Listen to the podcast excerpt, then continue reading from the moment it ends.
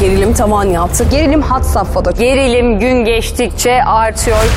It is going to be a disaster for Russia if they further invade, invade Ukraine, and that our allies and partners are ready to impose severe costs. дававшихся этих устных заверениях, что это не будет расширяться на восток. Но все было сделано ровно наоборот. And significant harm on Russia and the Russian economy. Amerika-Rusya ilişkilerinin aşılmaz engeli. Karşılıklı güvensizliğin kısa tarihi. Amerika Birleşik Devletleri, İngiltere, NATO'nun Doğu Kanadı üçlüsüyle Rusya arasındaki Ukrayna odaklı kriz, Moskova'nın Atlantik İttifakı'ndan talep ettiği güvenlik garantileri noktasına takılıp kaldı.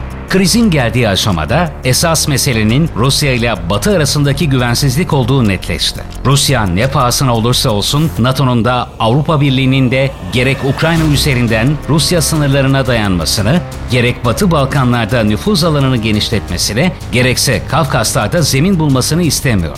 Amerika Birleşik Devletleri ile İngiltere'nin hedefi ise Rusya'yı bir daha 19. yüzyıldaki gibi büyük oyuna ortak etmemek. İkinci Dünya Savaşı sonrasında olduğu gibi Avrupa'nın bağrına sokulmasına izin vermemek.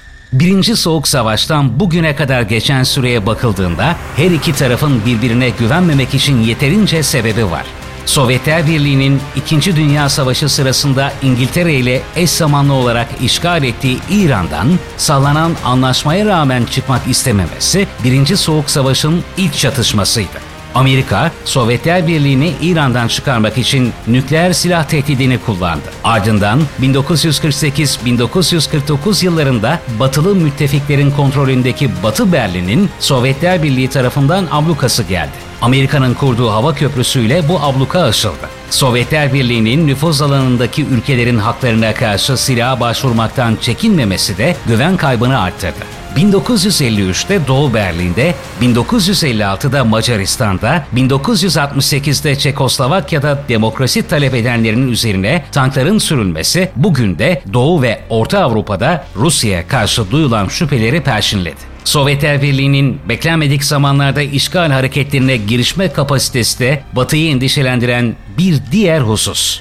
1979'da Afganistan'ın işgali, 2008'de Rus ordusunun Gürcistan'ın başkenti Tiflis'in kapılarına dayanması ve 2014'te Kırım'ın ilhakı Batı'nın gafil avlandığı kötü sürprizlerdi. Moskova'nın güç kullanma eğilimi Sovyetler Birliği'nin dağılma sürecinde de kendisini göstermişti. 1990 yılında Estonya'nın bağımsızlık kararını güç kullanarak bastırma girişimi, o sırada bu ülkedeki Tartu garnizonunun ve stratejik hava kuvvetlerinin komutanı General Çahar Dudayev'in emirlere uymamasıyla önlenebildi. Dudayev aynı yıl Sovyet ordusundan istifa edip Çeçenistan Bağımsızlık Hareketi'nin liderliğini üstlendi. Yine 1990'da Azerbaycan'ın bağımsızlık teşebbüsünde ise kan aktı. Sovyet tankları Kara Ocak olaylarında yüzden fazla Azerbaycanlıyı şehit etti. Tüm bu tarihi bilgiler alt alta yazılıp toplandığında Batı dünyasının Rusya'ya güven duymamak için yeterli sebebi olduğu görülüyor. Peki buna karşı Amerika ve NATO'nun tamamen masum ve iyi niyetli oldukları söylenebilir mi?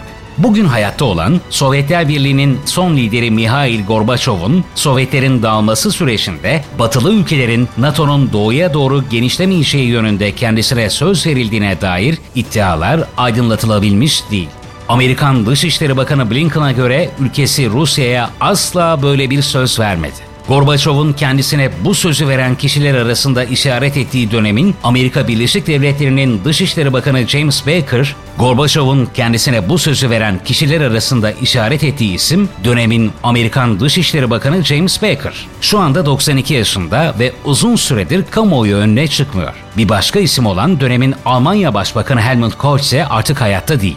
Sovyetler Birliği liderliğinin NATO'nun doğuya doğru genişlememesi yönünde nasıl olup da yazılı bir anlaşma yapmadığının mantıklı bir açıklamasını bulmak mümkün değil. Rusya'nın uluslararası güç mücadelesine artık dönmeyeceğini düşünen Atlantik İttifakı'nın fırsatçılığı da bugünkü krizi tetikleyen faktörlerden biri oldu. 1999 yılında Macaristan, Polonya ve Çekya'nın NATO'ya dahil edilmesi Moskova'da alarm zillerini çaldırdı. Sovyet döneminin gizli servisi KGB'nin, Halefi Federal Güvenlik Servisi FSB'nin başkanı Vladimir Putin'in hızlı kariyer basamaklarını tırmanarak önce başbakanlığa ardından sürpriz bir şekilde devlet başkanlığına getirilmesi aslında NATO'nun genişlemesine yönelik ilk yanıttı.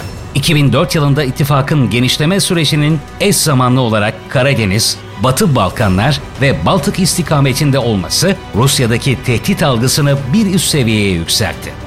Nitekim bunun yanıtı 2008'de NATO'nun partner ülkesi Gürcistan'a yönelen Rus saldırısıyla verildi. Son iki yılda NATO zirveleri ittifakın genişleme sürecinin küresel bir boyut kazandığına işaret ediyor. 2022 yılının yaz mevsiminde Madrid'de düzenlenecek zirvede ittifak Çin Halk Cumhuriyeti'ni de kapsama alanı içerisine alacak bir genişleme stratejisini benimseyebilir.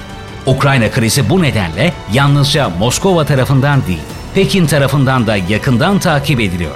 Tayvan ve Güney Çin denizinde zaman zaman yükselme eğilimi gösteren askeri gerilim yakın gelecekte NATO'nun gündem maddeleri arasına katılabilir. Tüm podcastlerimiz SoundCloud ve Spotify gündeme dair her şey kanalımızda. Abone olmayı unutmayın. GDH Dijital